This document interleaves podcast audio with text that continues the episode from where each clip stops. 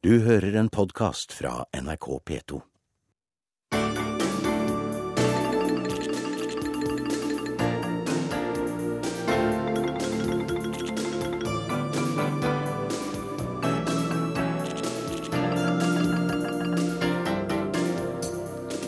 år siden D-dagen, stort markert i Normandie det siste døgnet. Men var det egentlig her Hitler tapte krigen? Neste uke starter fotball-VM i Brasil. Myndighetene frykter for sikkerheten. Hvordan jobber NRKs utenrikskorrespondenter? Hør fem av åtte fortelle om sin hverdag. Har litt med fotball å gjøre. Du må løpe som faen. Uh, enten du skriver visumsøknader eller sliter ned byråkratiet. Det er litt som fotball. Du må løpe luken og vite hvor ballen kommer, og posisjonere deg. I ukas korrespondentbrev skal du få høre om skjebnen til hun som for 16 år siden ble kjent som That Woman. Monica Lewinsky har riktignok en mastergrad, men ingen fast jobb, ingen mann og ingen barn. Og i manges bevissthet er hun horen som ble definitivt slått, ja, bortimot knust, ikke av madonnaen, men av madammen. Og Ukrainas nye president er nettopp tatt i ed, som vi hørte i Dagsnytt. Det blir det mer om i sendingene våre utover dagen. Men først er det altså Verden på lørdag, med meg, Guri Nordstrøm, ved roret den neste timen. I disse dager markeres det altså at det er 70 år siden de allierte styrkene gikk i land i Normandie i Frankrike, også kjent som D-dagen. Kampene varte i flere måneder før nazistene ble presset sørover og Normandie ble fritt. Byene i området lå i ruiner, men så kom det en gave fra nord. Hola! là! Oh c'est grand! Hola! Et après, elle disait c'est grand, c'est presque trop grand.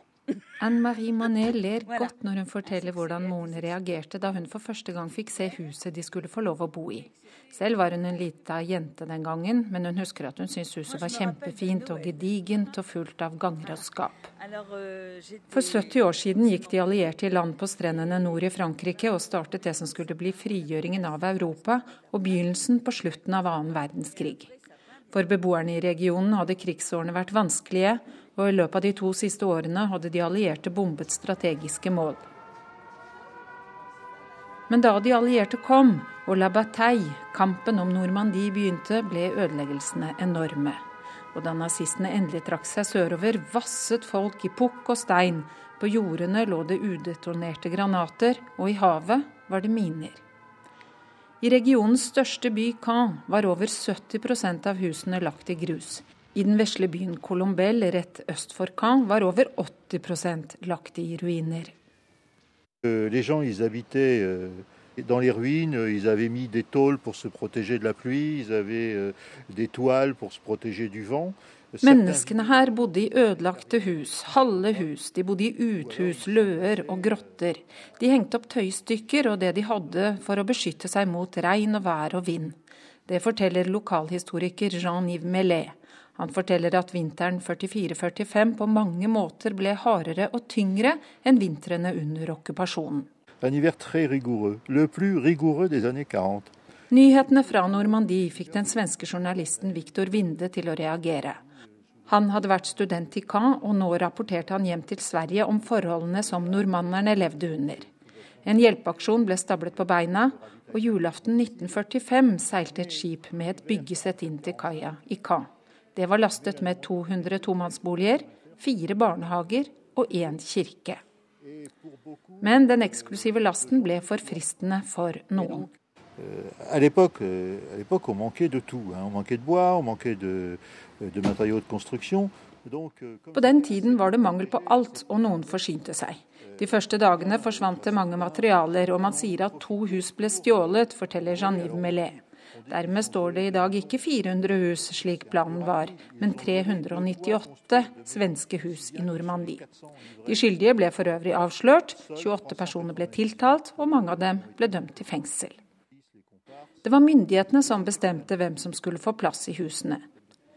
Ordførerne i de forskjellige kommunene sendte sine lister til La Ministère de la Construction, og der ble gjerne barnerike familier prioritert. Trois là-dedans, hein, et puis on se posait pas de questions.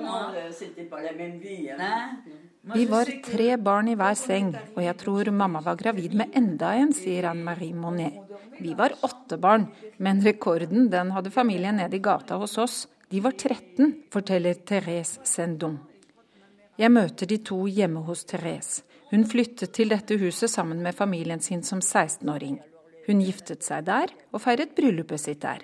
Og hun flyttet tilbake sammen med mannen sin da foreldrene hennes ble gamle og syke og trengte pleie. I hagen vokser det poteter, bønner og tomater, akkurat slik som det var i årene etter krigen. Roser og andre sommerblomster lyser opp mellom trærne, som har vokst seg høye og frodige i løpet av de snart 70 årene som har gått. Nå er badet pusset opp, og kjøkkenet er blitt påbygd. De to madammene kiver om ordet når de skal fortelle om sine barneår i Les Suédoises, som de svenske husene kalles. Vraiment, on a de la chance. Vraiment d'a- d'habiter là, quoi. Da husene var nye, var det en og annen franskmann som lurte på om det egentlig var noe særlig å bo i trebygg. Normannerne var vant til solid mur. Trehus, det var noe man la høyet i, eller et hjem for kuer og andre dyr. Quand on a trouvé ces maisons suédoises, pour nous, c'était vraiment, c'était des belles maisons, quoi. Avec le chauffage central, alors les personnes étaient... Oui, c'est vrai que c'était des belles petites euh, Et les maisons. toilettes à l'intérieur. Et tout, on avait apprécié, on avait vraiment... De fire barnehagene som fulgte på lasset er ikke lenger i bruk. Men tempelet, som franskmenn gjerne kaller en protestantisk kirke, det står fremdeles i Condé-sur-Noireau. I alle år har Les Suédois vært brukt som sosialboliger, og slik er det også i dag. Og slik vil det trolig også fortsette, kanskje i 70 nye år, og kanskje enda lenger. Reporter i Ka var Marit Kolberg. D-dagen blir altså av mange beskrevet som tidspunktet for slutten på Hitlers terrorregime. Men det er en beskrivelse russerne er svært uenig i. Kollega Halvard Sandberg har tatt en nærmere titt på krigshistorien for å se hvem som egentlig vant kampen mot nazistene.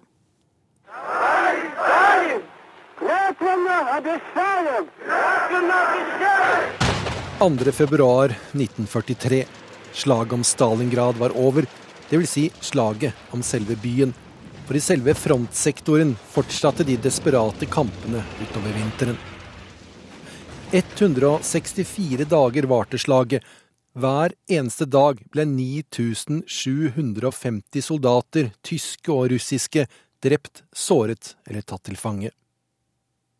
Den tyske krigsmaskinen hadde fått et alvorlig sår. Den russiske var i ferd med å bygge seg opp. Before we go in, let me tell you a little about pub. It's not like a saloon. Det er våren 1943. Informasjonsfilmen gir nyankomne amerikanske soldater nyttig informasjon om landet de nå er stasjonert i. Foran seg har soldatene mer enn et år med trening og venting før den store innsatsen, D-dagen. Samtidig går kampene i Nord-Afrika mot slutten. I mai er det over for Rommel og hans Afrikakorps. Men Rommel selv og mange av hans soldater unnslipper.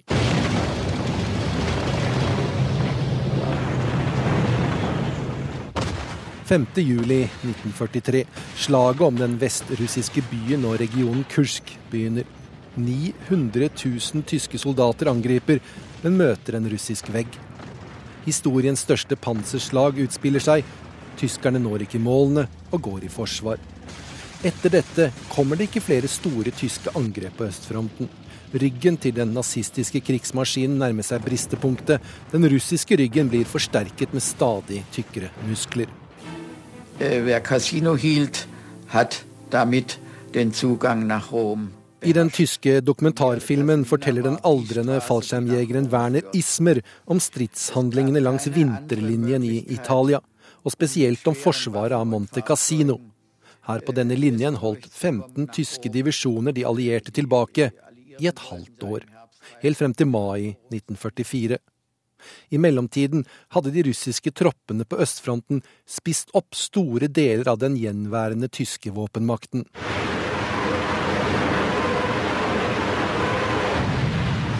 Navnene har gått inn i krigshistorien.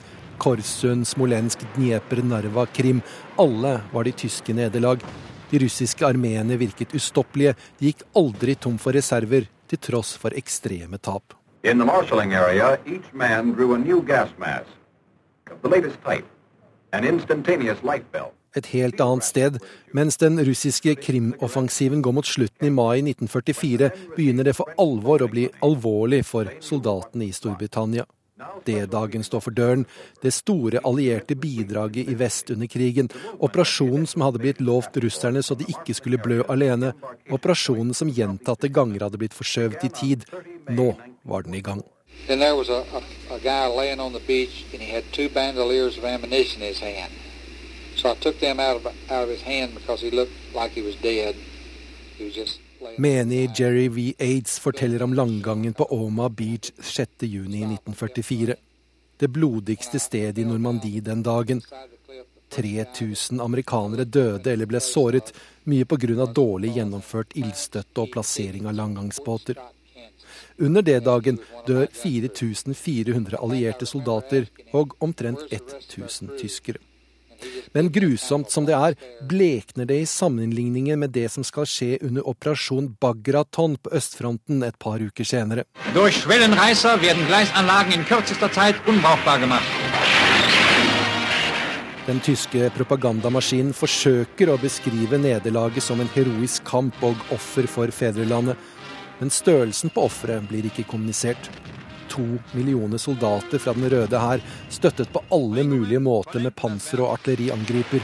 Og angriper og angriper. Til slutt er tyskerne dyttet tilbake til omtrent der de sto før angrepet på Sovjetunionen. I sum det største nederlaget for tyskerne under krigen. Bagraton knakk til slutt ryggen på udyret, men selv med en slik skade bruker det tid på å dø. Fra begynnelsen av august 1944, da de allierte slo seg ut av Normandie, og til krigen var over i mai året etter, var det fortsatt mye lidelse i vente på alle fronter. Bare under den siste kampen om Berlin dør omtrent 100 000 russere. Vladimir Putin 9. mai i år. Han holder tale på Den røde plass. Железная воля советского народа de voldsomme slagene om Moskva, Stalingrad, Kursk og Dnieper avgjorde hele utgangen av den andre verdenskrig, sier Putin. Jernviljen til det sovjetiske folk, dets fryktløshet og standhaftighet reddet Europa fra slaveri, er den russiske presidentens budskap. Det Putin sier, gjenspeiler hva krigshistorien viser. Russerne knakk Hitler-Tyskland. Men det Putin ikke sier noe om, er hva som ville ha skjedd dersom den andre front ikke ble startet, og jobben med å rydde også Vest-Europa for SS og Wehrmacht falt på russerne. Hvordan ville da etterkrigstidens Europa ha sett ut?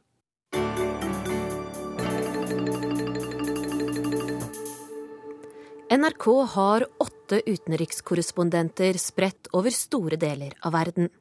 Denne uka fortalte fem av dem om sin arbeidshverdag under et seminar i Oslo. Seansen ble ledet av påtroppende programleder for Urix, Gry Blekastad Almås.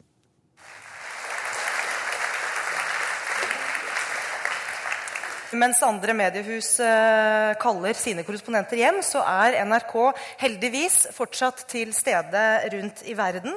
Vi eh, er på plass i Beijing og Moskva, vi er på plass i eh, Brussel og i London. Vi er i Kairo og i Nairobi. Og i Washington, nevnte jeg det. Ta godt imot våre korrespondenter. USA-korrespondent Gro Holm. Storbritannia-korrespondent Espen Aas. Nok en Kom igjen, kom opp. Sett dere på plass. USA-korrespondent Anders Tvegård. Asia-korrespondent Anders Magnus. Og Russland-korrespondent Hans-Wilhelm Steinfeld.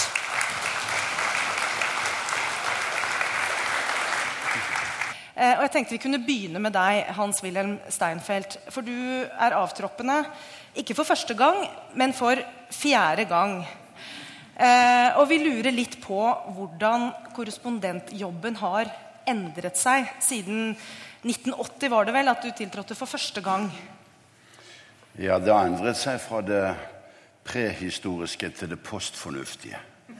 uh, da Leonid Brezjnev døde i 1982, så var det tre timers ventetid på rikstelefoner til Oslo.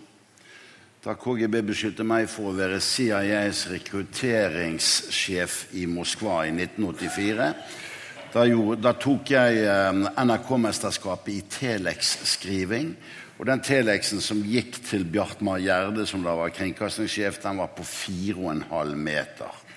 Um, vi måtte fly filmkassetter til Tyskland i de dager for å komme på luften, for de innførte forbud mot slikt.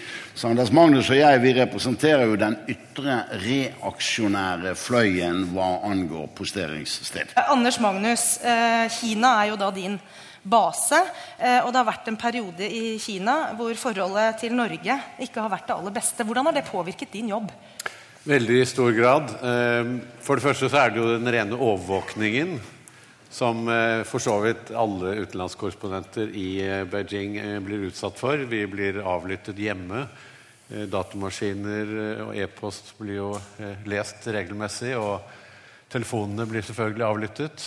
Men under, eller et, Eh, rett etter, før og etter eh, Nobelprisen ble eh, delt ut i desember 2010, så ble jeg og min kone også fotfulgt av agenter fra sikkerhetspolitiet. De sto og ventet på oss og viste at de var der. Dette var ikke noe skjult overvåkning. Det var for å vise at de fulgte med på alt vi gjorde, og fotograferte oss på offentlige steder og i parker og sånne ting. Som en sånn skremmeaksjon, nærmest. Og eh, de leser jo, eh, følger jo med på alt vi lager. Eh, en gang i året så blir jeg innkalt til Utenriksdepartementet, og da har de min føringsoffiser med seg en stor bunke papirer som er utskrift av alt jeg har laget det året. Så blar han opp, og så sier han her har du sagt sånn og sånn. Det er ikke riktig. Eh, her har du sagt sånn og sånn, og du må, lage, du må lage, litt mer positive rapporter om kommunistpartiet og Kina hvis, eh, hvis du skal ha en god framtid i dette det, landet. Da? Nei, jeg har ikke det. Så jeg får jo, den, får jo disse påminnelsene hvert år. Og så straffer de oss med å utsette visumer til neste år. Eh, et år så så skulle jeg på juleferie. Alle, de vet jo at alle skal på juleferie omtrent eh, på den tiden hvor eh, denne visumfornyelsesprosessen pågår. Og så Da drar de den ut i tid for de som har vært slemme. Sånn at de ikke kommer på den ferien de har bestilt, eller det flyet de har planlagt. Og det skjedde med meg også. Jeg har lyst til å spørre deg, Gro. og Det gjelder jo for så vidt alle korrespondentene. kommer fra altså erfarne folk som har jobba lenge i NRK hjemme i Norge. Eh, og så reiser man ut og er en anonym person i en stor verden. Hvor lett er det å få tilgang på historiene og intervjuobjektene der ute? Ja, altså Det er jo generelt eh, tungt å jobbe for eh, når du kommer fra et lite land i USA. fordi eh, Hvis du går i Kongressen, så vet alle eh, i Kongressen hvem som representerer de store. CNN, CBS, ABC. Eh, og de har på en måte sine faste rutiner hvem de snakker til når de er ferdig med et viktig møte. Og det er definitivt ikke med NRK. Eh, så, så, det der med å komme inn når du er liten, representere et lite land, ikke noen velgere som kan gi dem noe støtte verken foran eller bak Så det, det, det er et, et, problem. Og det er vanskelig å komme inn i butikker. Det er veldig mye sikkerhet. Det er et advokatstyrt samfunn. Det finnes aldri, ikke noe land hvor det er så mye advokater som, eh, som i USA. Finner du noen bakveier da, eller? For å få ja, de bildene du, du trenger? Og... Du, kan jo, du må jo løse Du kommer sjelden inn i butikker for å fotografere der. Du må holde deg på avstand og såpass mye på avstand at ingen kan liksom si at kom ikke her og ta mitt butikk, butikkvindu med på bildet. Men uh, det, det, det, er jo litt lettere når du kommer langt unna på mindre steder. Da kan du finne løsninger. Jeg har f.eks. filmet en kritisk reportasje om Starbucks, blant annet, i Seattle, hvor, som er Starbucks uh, fødeby. Uh, og Der var jeg med en gjeng med gamle damer inn som demonstrerte fordi Starbucks ikke nektet folk å ta med seg våpen inn. Jeg så ikke noe våpen der, men i, det, det, var liksom det demonstrasjonen gikk på. Men i kjølvannet på disse gamle damene, 82-91 år, som var ute for å demonstrere, så klarte jeg å lure inn kamera. Da, da går det. Men altså det med, de store, med politikere eh, eller, eller, store næringslivsledere, det er vanskelig å komme fram til. Med mindre du kjenner noen som kjenner. Og da er det jo alltid lettere. Mm. Det tar jo tid å bygge seg opp det kontaktnettet. det tar tid, og jeg har vært der siden slutten av august. Så det tar tid å bygge seg opp kontaktnett. Det gjør det. Men dette er jo sikkert utfordringer dere alle eh, har. Eh, har dere noen historier om hvordan dere har eh, klart å komme til, eller eh, fått bilder som dere kanskje ikke egentlig hadde lov til å få, eller Altså, jeg har en nylig eh, historie. Det er jo seanse hvor du tror i hvert fall du skal få tilgang. For da var uh, Ine Eriksen Søreide og traff uh, britiske forsvarsministeren, og vi var selvfølgelig invitert med. Uh, og så kom vi ut, og så kommer det en evinnelig beskjed om at nei, nei, dette er off camera. Så du har invitert, dere har invitert bl.a. et TV-team, og så skal du være off camera? Ja. Så da får vel vi bare gå. Ja, men vi pleier ikke å ha kamera på sånne seanser. Så nei, men det er greit, da går jeg. Eh, men det betyr jo også at den norske ministeren får ingen TV-dekning fra eh, sitt møte her. Eh, og grunnen er at dere har bestemt at det har vært off camera. Og da, da var det greit. Hvis vi lovet ikke filmet mens vi snakket sammen, bare filmet når vi gjorde intervjuet. Så ja, vi gjorde jo begge deler. Men eh, Man må stå på krava litt. må stå på krava. Tvegård. Det jeg opplever med, med Washington, er at det er et sted hvor du kan også få enormt mye informasjon og bakgrunn. Det er mer en regel at du må fortelle når du skal gjøre opptak, enn en, en ikke. Altså politikere eller eh, tenketanker eller beslutningstagere de kan fortelle eh, mye om hva som kommer til å skje. Og så sier de ja, men kan jeg gjøre et opptak av det? Nei, men du kan bruke det på bakgrunn. Derfor blir det også mye, mye kommentering. Og så har du jo enormt mange spinndoktorer, folk som har lyst til å få en positiv tvist på noe. USA er har- de fleste, om du er en forretningsdriver eller om du er en politiker, så har du et apparat rundt deg eh, som eh, har som oppgave å dytte presset unna. Eller det de sier at selvfølgelig skal vi legge til rette, og dette skal vi forsøke å få til. Og så er det sånn vi ringer deg tilbake, og så Oi sann, det, det rakk vi ikke i dag. Vi, vi kan prøve igjen i morgen. Og så skjer det aldri. Eh, det er også fordi vi er vel ikke en alge engang i en gullfiskbolle. Men et eksempel. President Obama han sa på lørdag eh, det er en soldat som er nå løslatt, den eneste krigsfangen USA eh, har, hadde. Bo eh, Bergdal. Så forteller Obama om en no, Vi har klart å få løst den eneste krigsfangen, tegner et heltebilde av ham. Så går det noen dager, så viser det seg at det var kanskje ikke så elegant og lekkert likevel. Obama måtte slippe ut fem Taliban-fanger fra Guantánamo. Så viser det seg at han ikke orienterte Kongressen om det. eh, Som du skal gjøre.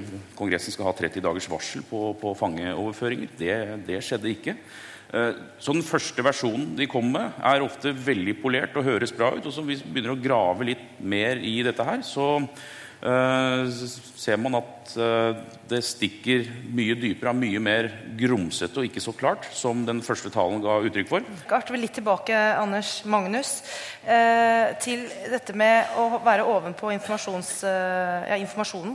Det du skal formidle i ditt eh, område, da, med utbredt grad av sensur og, og selektive informasjonskilder, kanskje. Eh, hvordan eh, klarer du å skille hva som er eh, sant og usant? Eh, Det er eh, ofte veldig vanskelig å skille hva som er sant og usant eh, i Kina, eh, fordi eh, kommunistpartiet legger jo eh, et eh, lokk på all informasjonen.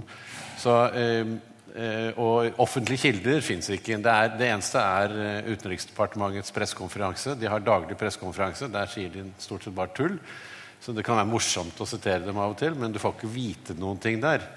Så eh, all den informasjonen som man får, kommer eh, gjerne via Twitter eller eh, de kinesiske variantene av det. Det er den beste informasjonskilden. Ja, du spurte om teknologi. Jeg vil, vel si om teknologi som jeg vil si om brennevin. Det er ikke brennevinet som er problemet, men hvis du blir for opptatt av det.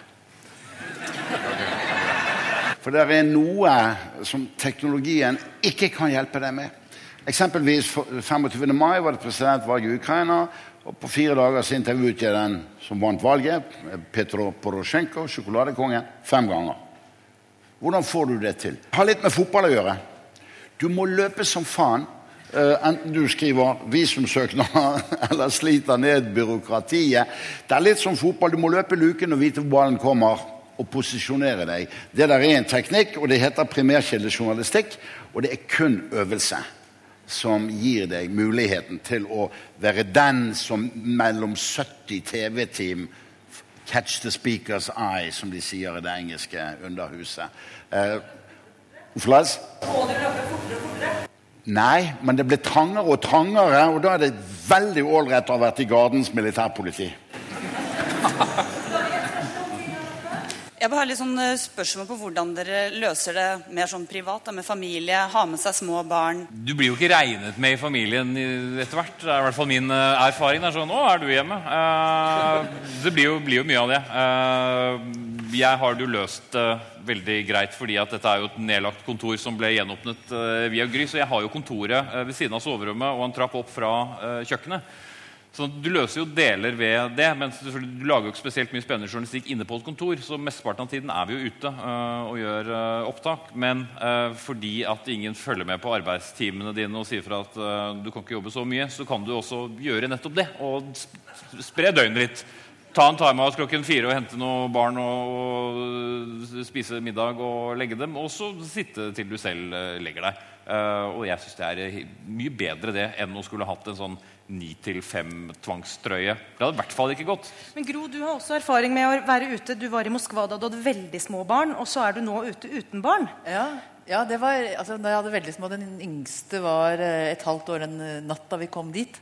Uh, og da hadde jeg, da hadde jeg liksom to dagmammaer som bodde på skift inne på soverommet. Så jeg var alene uten mann, og, og, pluss at jeg hadde dem i barnehage. Så det var sånn logistikk Det var veldig veldig annerledes enn den der virkeligheten du skildrer, Espen. Det skal jeg fortelle deg. Men, det, det, var, men uh, det går altså an å kjøpe seg fri. Og det gjorde jeg. De fire årene levde jeg som en mann. Jeg lagde nesten ikke mat. Eh, det var eh, andre Som en mann i gamle dager. Ja, ja du skulle til å si det. Som en mann i gamle dager. Det var veldig spesielt. Nå har jeg, nå har jeg bare ei bikkje, og den forsvinner også til høsten. Så, ja. Jeg har fire unger, og så har jeg tre døtre. To av de har jeg mistet til Utenriksdepartementet. Og eldstemann Hilde hun eh, anga meg, så jeg har gjort henne arveløs. Og Det var i et TV-program her for et par år siden som het 'Litt av et liv'. Hvor hun satt i studio her på Marienlyst og fortalte at da hun var liten pike, så susset hun pappa på TV-skjermen 'God natt, for jeg var aldri hjemme'. Og Katrine, som jobber på norske ambassaden i Budapest, var så født og oppvokst i Moskva eh, Hun var overbevist om at Mikhail Gorbatsjov var pappas beste venn. For hver kveld hun spurte hvor er pappa, så sa min kone Julie han gikk Kreml hos Gorbatsjov. Og det var jo så jævlig ofte at barnet trodde at han måtte være min beste venn. Jeg tror vi runder av Ok? En, en, en ting. Jeg, jeg, nå er kona med. Vi hadde familien med i Afrika når jeg var der, men nå er kona med. Hun sa etter to år så sa hun at eh, det hadde vært fint om vi kunne spise middag før klokken 11 om kvelden. middag julaften 1989. Da er helvete løs i Bucuresti. Og vi hadde småunger, og Jula og vi spiste middag sammen. Og jeg hadde ti telefonrapporter i løpet av den middagen. Og etter den siste til Kveldsnytt julaften 1989 så kom jeg tilbake og var veldig trett. Så da skjenket min ungarske kone meg et glass konjakk, og så samtaler du sånn som du gjorde din kone. Så kommer du ofte til et punkt i samtalen der det er naturlig at du sier navnet til den du snakker sammen. Og så falt jeg i staver. Vi satt bare to mennesker i rommet. Så sier jeg til min kone 'Hva var det du het igjen?'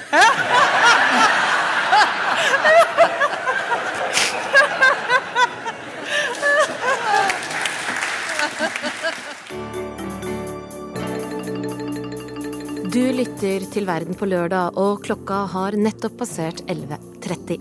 I den neste halvtimen skal du bl.a. få høre om presidentkaos i Israel, To afrikanske kvinner mottok fredsprisen sammen, men holder ikke fred seg imellom. Og neste uke starter fotball-VM i Brasil. Myndighetene frykter for sikkerheten. For det er ventet mer enn 3,5 million besøkende til de tolv VM-byene under mesterskapet. Av dem vil rundt 600 000 komme fra utlandet.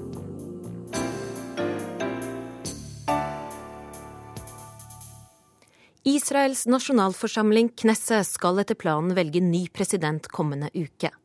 Men i tillegg til diskusjoner rundt de seks aktuelle, aktuelle, kandidatene, har debatten også handlet om Israel i det hele tatt skal fortsette å ha en president. Statsminister Benjamin Netanyahu har ønsket å skrote ordningen om han ikke får velge sin egen kandidat, forteller tidligere Midtøsten-korrespondent Sissel Wold. Du skal bli Israels neste president, det har jeg avtalt med alle. Statsminister Benjamin Netanyahu hadde et tilbud han mente nobelprisvinneren Elie Wiesel ikke kunne si nei til, og hadde klarert det i Knesset. En meget forbløffet Wiesel, som er amerikansk statsborger bosatt i New York, svarte høflig jeg skal tenke over saken. Tirsdag 10. juni skal den israelske nasjonalforsamlingen velge ny president. Eller skal de det? Lenge har denne datoen vært en hodepine for statsminister Netanyahu. Han vil helst ikke ha noen ny president. For hvorfor kan ikke statsministeren, ja han selv eksempel, være statsoverhode? Good morning. Thank you for coming. For me, it's a moving event to visit Norway because unforgettable memories. It is in Oslo. På pressekonferansen til avtroppende president Shimon Peres på Slottet i mai var israelsk presse mest opptatt av hvem Peres mente kunne fylle hans sko. Av de seks kandidatene som er aktuelle, finner vi Dalia Itzik, som mener at etter 65 år og ni mannlige presidenter er tiden inne for et kvinnelig statsoverhode i Israel. Arbeiderpartiets Benjamin Ben Eliezer, som gikk til fots gjennom ørkenen fra Basra i Irak, til det lovede land da han bare var 14 år, syns han ville være en god kandidat. Men favoritten har vært Knesset-spiker Ruben Rivlin, som er populær i Israel, men som ikke egner seg særlig til utvortes bruk. Rivlin er for et bibelsk Store-Israel og imot alt som lukter av Oslo-avtalen og tostatsløsning. Han mener dessuten at de amerikanske liberale reformjødene ligner mer på protestanter enn jøder, noe som gjør Israels viktige støttespiller i USA rasende. For mener Rivlin at de ikke er ordentlige jøder? I det hele tatt, Rivlin ville skape mer kontroverser, snarere enn å styrke Israels omdømme utad. Og nok en nobelprisvinner er kandidat. Professor i fysikk Dan Schechtmann vil gjerne representere Israel der ute i verden. Og han vil bli tatt godt imot der ute, i en tid da Israel så sårt trenger venner. Schechtmann har ikke skitnet til hendene sine med politikk. Han hater ikke, og genererer heller ikke hat, mener israelske kommentatorer. Verbal gjørmebryting preger livet i israelsk politikk, og presidentvalgkampen er intet unntak. Statsminister Netanyahu fremstår som den internasjonale scenes prinsesse vil ikke. Og nå er selv Det hvite hus grundig lei av at Netanyahu-regjeringen motarbeider alle forhandlingsforsøk med palestinerne. Samtidig møtes president Peres med pomp og prakt verden rundt, mens han snakker pent om fred og behovet for en palestinsk stat. Nå er Simon Peres til og med invitert av pave Frans til Vatikanet for å be sammen med president Mahmoud Abbas, til Netanyahus store frustrasjon. Om Netanyahu ikke greier å avskaffe presidentembetet, ja, så må han finne en som passer. Elie Wiesel, som overlevde Auschwitz, har brukt livet sitt på å minne verden om holocaust. Nobody would have imagined that such a crime could be conceived and implemented in a human mind. So therefore, wherever and whenever dette passer Netanyahu, som i flere år har minnet israelerne om at nå er året 1939 og et nytt holocaust er rett rundt hjørnet. Denne gangen er det Irans president som er den nye Hitler. Så Netanyahu og hans folk har presset den 86 år gamle holocaust-overlevende Eli Wiesel. Han ringte meg tre ganger, forteller nobelprisvinneren til den kjente israelske journalisten Nahum Barnea. Ja, du aner ikke hvordan de har presset meg. En ringte til og med og sa at din far i himmelen ønsker å se deg valgt som president for staten Israel. Ønsker ikke du å gjøre ham glad? Ja, så langt gikk det, ifølge vi selv. Det er ikke første gang Israels regjering forsøker å lokke en verdensberømt jødisk nobelprisvinner til å fronte landet. Også Albert Einstein ble spurt, riktignok i mer siviliserte former. Daværende ambassadør i USA, Abba Eban, skrev til den berømte fysikeren i 1952 at dersom han sa ja til å bli president, måtte han flytte fra USA til Israel og bli israelsk statsborger. Men han kunne få fortsette med sitt vitenskapelige arbeide. Den tyskfødte Einstein svarte Jeg er dypt rørt over tilbudet, men er både trist og skamfull over å ikke kunne akseptere det for jeg mangler både det naturlige talentet og den erfaringen jeg trenger for å møte mennesker og utføre store offisielle oppgaver. Så hva svarte den 86 år gamle Elivet selv til slutt? La meg være i fred, jeg er forfatter, jeg er ikke skapt til å være president.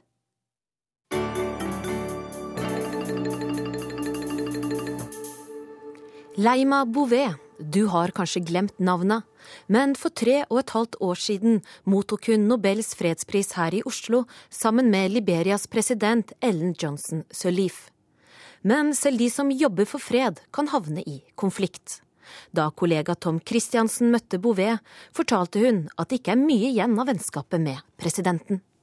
Hun var innom Oslo sist måned, men uten sine fantastiske afrikanske kjoler Bagasjen ble borte på veien, hun foreleste i olabukser. Men ser hun noe til presidenten sin, Ellen Johnson Sirleaf? Well, I passed by her yesterday at a church. Um, we went to celebrate the life of the former transitional president, the man who took over Liberia in 2003. But you didn't talk to her? No. Do you talk to her at other occasions? Well, uh, um, Since 2012, I think we had a meeting in 2013 when the Nobel women went to Liberia. Det har kjølnet mellom de to som sto hånd i hånd i Oslo rådhus i 2011. De møttes i begravelsen til en av Liberias store menn her om dagen, men snakket ikke sammen. De hadde et møte året etter fredsprisen, så vidt hun husker. De diskuterte på en konferanse, ikke noe mer. Hun sier det rett ut, hun ville ikke lyve. Og det er kanskje ikke så rart at det er blitt slik.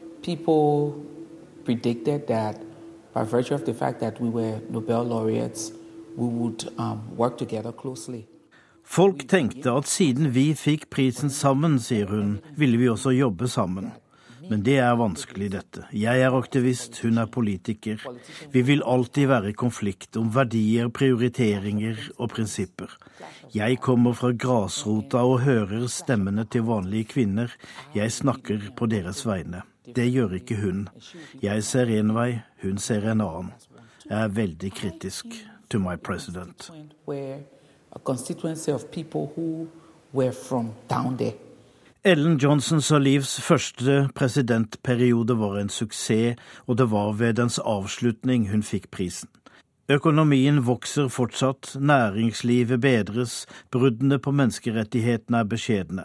Men nepotismen og korrupsjonen er omfattende, og den er hun blitt en del av. Venner og slektninger får fine jobber i statsadministrasjonen. Selv reiser Leima Bouvet rundt i verden og taler afrikanske kvinners sak. Hun betaler skatt i ett land, får vasket klærne i et annet og lever ellers på flyplasser. Hun, Leima fra bushen. I'm a local girl, and the Nobel Peace Prize gave me a global platform. Jeg er ei landsens jente, og nobelprisen er en global scene. Nå kan jeg ta med alle de lokale sakene til verden. Før måtte jeg skrike og fekte og sparke, nå lytter de over hele verden, og noen ganger gjør de som jeg sier.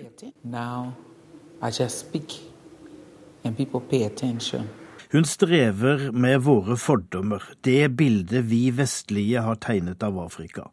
Vårt bilde av afrikanske menn, for eksempel, som ikke jobber og ikke gidder, som har sex med alle og gir blaffen i barna og banker kjerringa. The African society, there are men who are very concerned about the well-being of women. I mange afrikanske samfunn finner jeg menn som har stor omsorg for kvinner og sin familie, sier hun. De sykler ungene til skolen og har dem på fanget. De lytter til sin kone og gir henne plass. Ja, selv blant innflytelsesrike menn, drukne av makt som de er, finner jeg denne omtanken. Så jeg må spørre, Hvordan tror hun afrikanere ser ut oppi hodet til vestlige journalister? Weak, especially women, pathetic. All of us probably are victims of rape. Særlig kvinnene framstilles som svake, sier hun. Voldtatte, ynkelige uten skolegang, sånne vi skal synes synd på. De har mange barn, de tigger og har hengepupper og en unge på ryggen. Har du ikke en sørgelig historie å fortelle, vekker du aldri en vestlig journalists oppmerksomhet, sier hun. Afrika er i det minste kjent for sin evne og vilje til forsoning. Men, spør hun, hvor har den viljen brakt oss? Has this taken us anywhere? No. Because people continue to ride on the generosity De som har krenket andre og forbrutt seg, de rir på denne bølgen av folks sjenerøsitet og de kan fortsette ved makten og misbruke tilgivelsen til egen fordel. Men husk, forsoning er ikke pasifisme. Du skal se dem dypt i øynene, se dem bøye kne og love å reparere det de har ødelagt.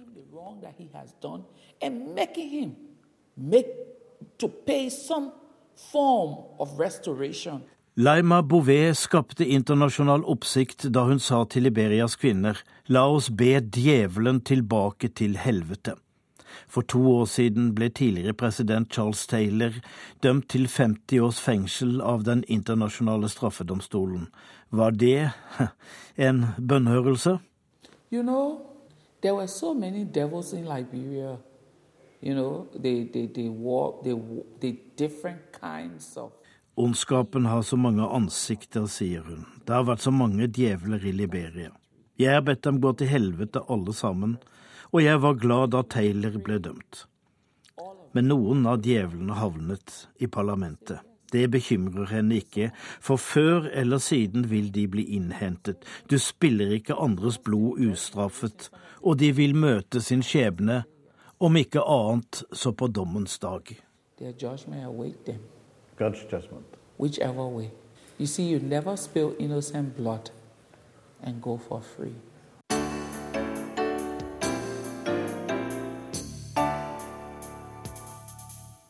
Opptakten til fotball-VM i Brasil har vært preget av en rekke streiker og demonstrasjoner, senest i natt i Sao Paulo. VM starter i neste uke, og rundt 170 000 politifolk og soldater er nå satt inn for å sørge for sikkerheten. Arnt Stefansen rapporterer fra Rio de Janeiro.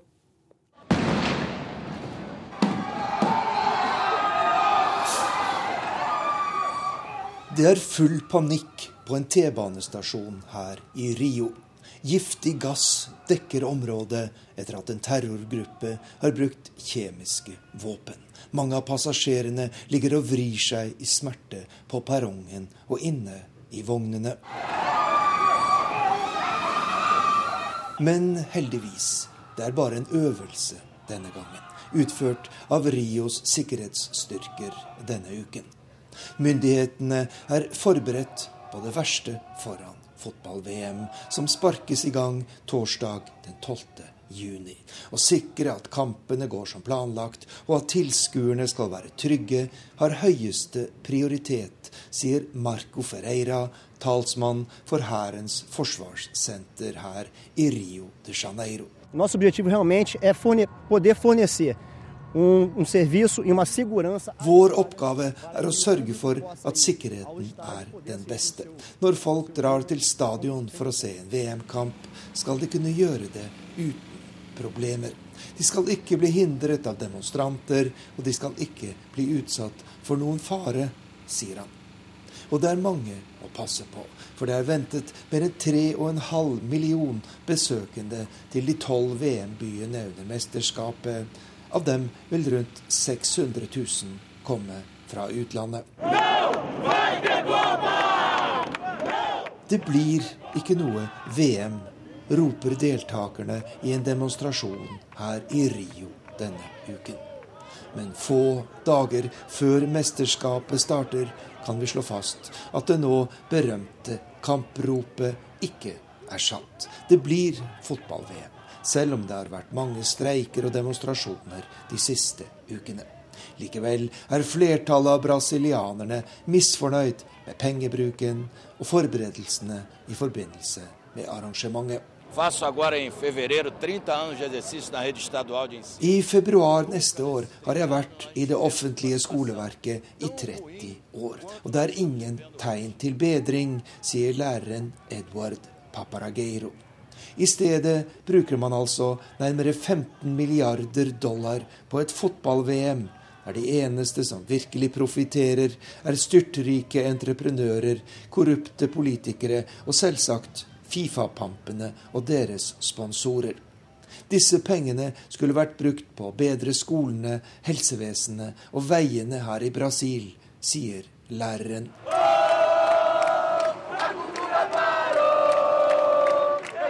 Men selv om misnøyen er stor, har protestene den siste tiden vært langt mindre omfattende enn i fjor sommer, da Brasil eksploderte i en bølge av vold og demonstrasjoner i forbindelse med prøve-VM. Demonstrantene har likevel gjort det klart at de vil fortsette sine protester også etter at mesterskapet er i gang, og myndighetene har investert svimlende fem milliarder kroner i sikkerhet foran VM.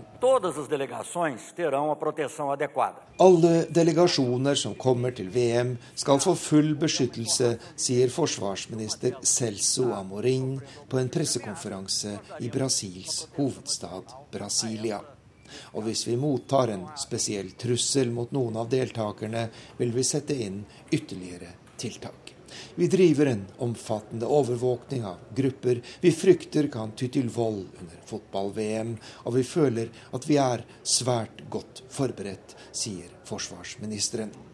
Hans regjeringskollega justisminister José Eduardo Cardoso slår fast at myndighetene har lært mye av de omfattende demonstrasjonene i fjor sommer. Agora nós sabemos vi er fullt klar over at det kan bli protester under fotball-VM, men vi tror ikke de blir så omfattende som for ett år siden. Vi er heller ikke bekymret for om noen tusen mennesker demonstrerer i gatene. Det er deres demokratiske rett. Det vi ikke vil tolerere, er vold og vandalisme, slik vi dessverre har sett mye av det siste året, sier Brasils justisminister José Eduardo Cardoso foran fotball-VM som starter torsdag i neste uke. Tirsdag kommer Hillary Clinton med ny bok med tittelen Hard Choices, eller Vanskelige valg. Samtidig denne uka trykket månedsmagasinet Vanity Fair en lang artikkel skrevet av Bill Clintons tidligere elskerinne Monica Lewinsky. Ukas korrespondentbrev fra Gro Holm i USA handler mest om de to kvinnene.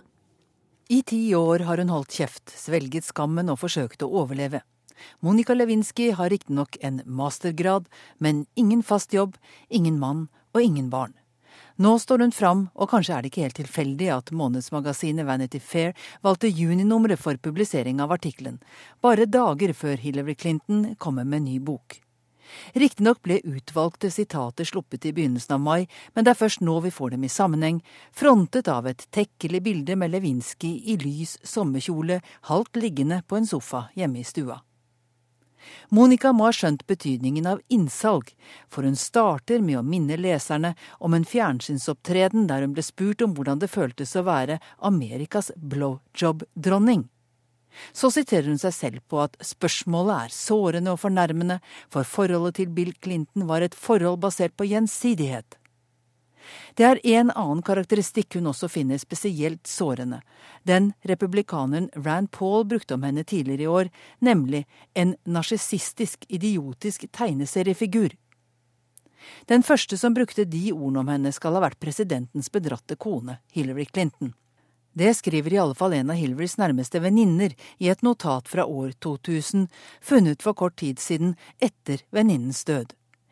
Hillary skal ha vært rasende. Bill løy og benektet forholdet for henne helt til trusselen om riksrett kom opp. Likevel, overfor venninnen skal hun, nærmest unnskyldende, ha sagt at han jo hadde forsøkt å håndtere en person som tydelig var, ja, akkurat, en narsissistisk, idiotisk tegneseriefigur. Monica er likevel forsiktig med å angripe Hillary. Hun var jo tross alt et uskyldig offer for mannens utroskap. Hun spør om hva som vil skje om Hillary stiller som presidentkandidat i 2016, og hva om hun vinner, ikke bare én gang, men kanskje to. Jeg kan ikke hjelpe for at jeg frykter en ny runde med paparazzier, er Monicas svar på eget spørsmål. Den neste runden med Hvor er hun nå-historier, den neste referansen til meg på den konservative fjernsynskanalen Fox. Selvopptatt? Absolutt. Hun skriver egentlig ingenting om Hillary Clintons politikk, men frykter oppmerksomheten mot sin egen person. Men hun kommer også mulig kritikk i forkjøpet. Jeg var taus under primærvalgene i 2008, da Hillary til slutt tapte mot Obama som demokratenes kandidat. Nylig oppdaget jeg at jeg fortsatt er skuddredd, redd for å bli et tema, om hun bestemmer seg for å stille. Men bør jeg virkelig sette livet på vent i enda åtte til ti år, spør Monica. Jeg har vært stille så lenge at de enkelte kretser har vært summet om at Clinton-paret har betalt meg for ikke å si noe. Men ingenting er fjernere fra sannheten. Jeg snakker fordi det er på tide, skriver Monica. Hun er nå fylt 40 år og nekter å gå på tå av hensyn til andre folks framtid. Hun vil ut av skyggen, hun vil begrave den blå kjolen fra et av de berømte bildene med presidenten og gå videre i livet. Jeg selv beklager dypt det som skjedde mellom meg og president Clinton. Jeg var for ung til å forstå konsekvensene i det virkelige liv, skriver hun. Monica følte og føler seg fortsatt sveket av feministene. De deltok i det hun kaller kappløpet om å ydmyke henne den gang for 16 år siden. Min historie ble sendt rundt som kjønnspolitiske kanapeer i cocktailselskapene, forteller hun, og nøler med å kalle seg feminist. Hvor var feministene den gang, spør hun. De lot være å si noe, for Bill Clinton var regnet som vennligsinnet i sentrale kvinnespørsmål. Men er det rimelig for en oppegående 24-åring med praktikantstilling i Det hvite hus å gjøre krav på sympati i feminismens navn når hun blir tatt i å ha sex med en gift offentlig person? Hvor gammel må hun være for å ta ansvar for egne handlinger? Lewinsky er forståelig bitter på alle arbeidsgivere som av nysgjerrighet har innkalt henne til intervju for så å si dessverre, og på alle som har bedrevet grov latterliggjøring men gjensidig samtykke aldri så mye, hadde hun ingen tanker om asymmetrien i stilling og status, og mulige konsekvenser for henne selv mens det skjedde. Og er det ikke litt vel selvopptatt å kommentere Hillarys mulige kandidatur med at hun frykter paparazziene som vil se i hennes, nemlig i Monicas retning? Særlig når artiklene i Vanity Fair har bidratt til at det gjør nettopp det, nok en gang. Monica kan jo ikke vinne en sympatikonkurranse med Hillary Clinton om hun er aldri så mye en underdog i den amerikanske offentlighetens målestokk. Hillary ydmyket på det aller groveste av en mann som åpenbart løy overfor henne og for det amerikanske folk, hun har for lengst reist kjerringa. Lewinsky er for henne tilbakelagt historie, en bitte liten stein i skogen. Jeg har ikke hatt tid til å lese Levinskys artikkel, sa hun til The New York Times denne uka. Jeg tror alle trenger å se framover, la hun til i et klart spark til mannens tidligere elskerinne. Hillary Clinton har tilsynelatende utviklet elefanthud. Hun tar kommentarer om hår, kropp og klesdrakt på strak arm. Nylig traff jeg hennes tidligere stabssjef fra tiden som førstedame i Det hvite hus. Hun var til forveksling lik Hillary. Samme hår, samme snitt i buksedrakta, samme måte å le på, samme ustoppelige selvtillit. Det oste autoritet og kvinnemakt, en ikke noe tull-holdning som nok kan skremme folk av begge kjønn. Jeg har også sett originalen Hillary turnere en forsamling som inkluderte studenter, afghanske kvinner og vår egen og USAs nåværende utenriksminister.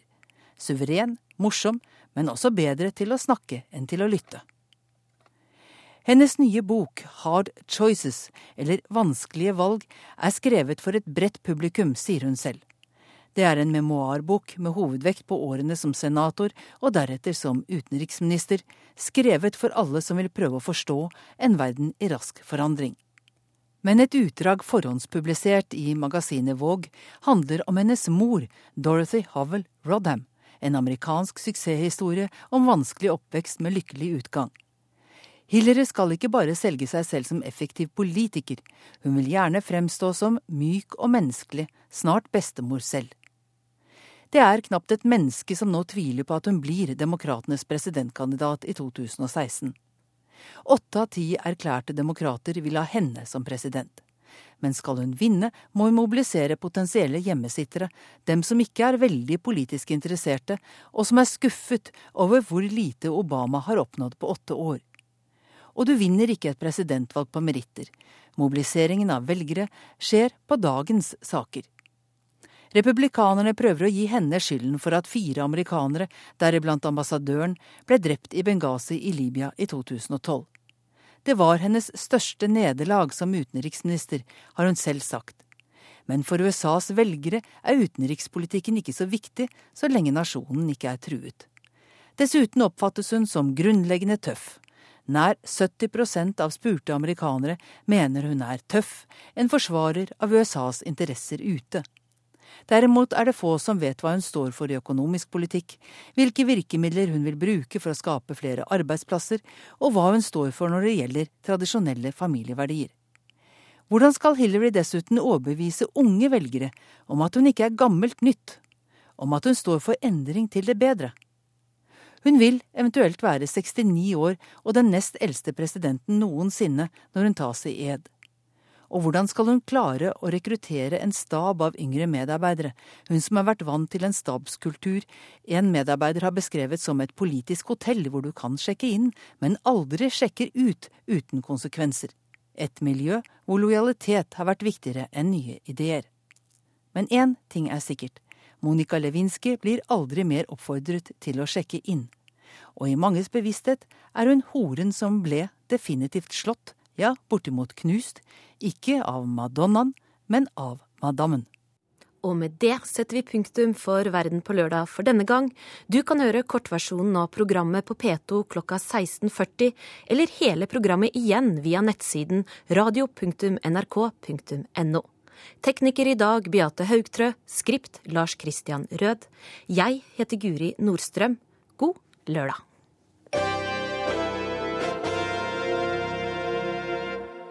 Du har hørt en podkast fra NRK P2.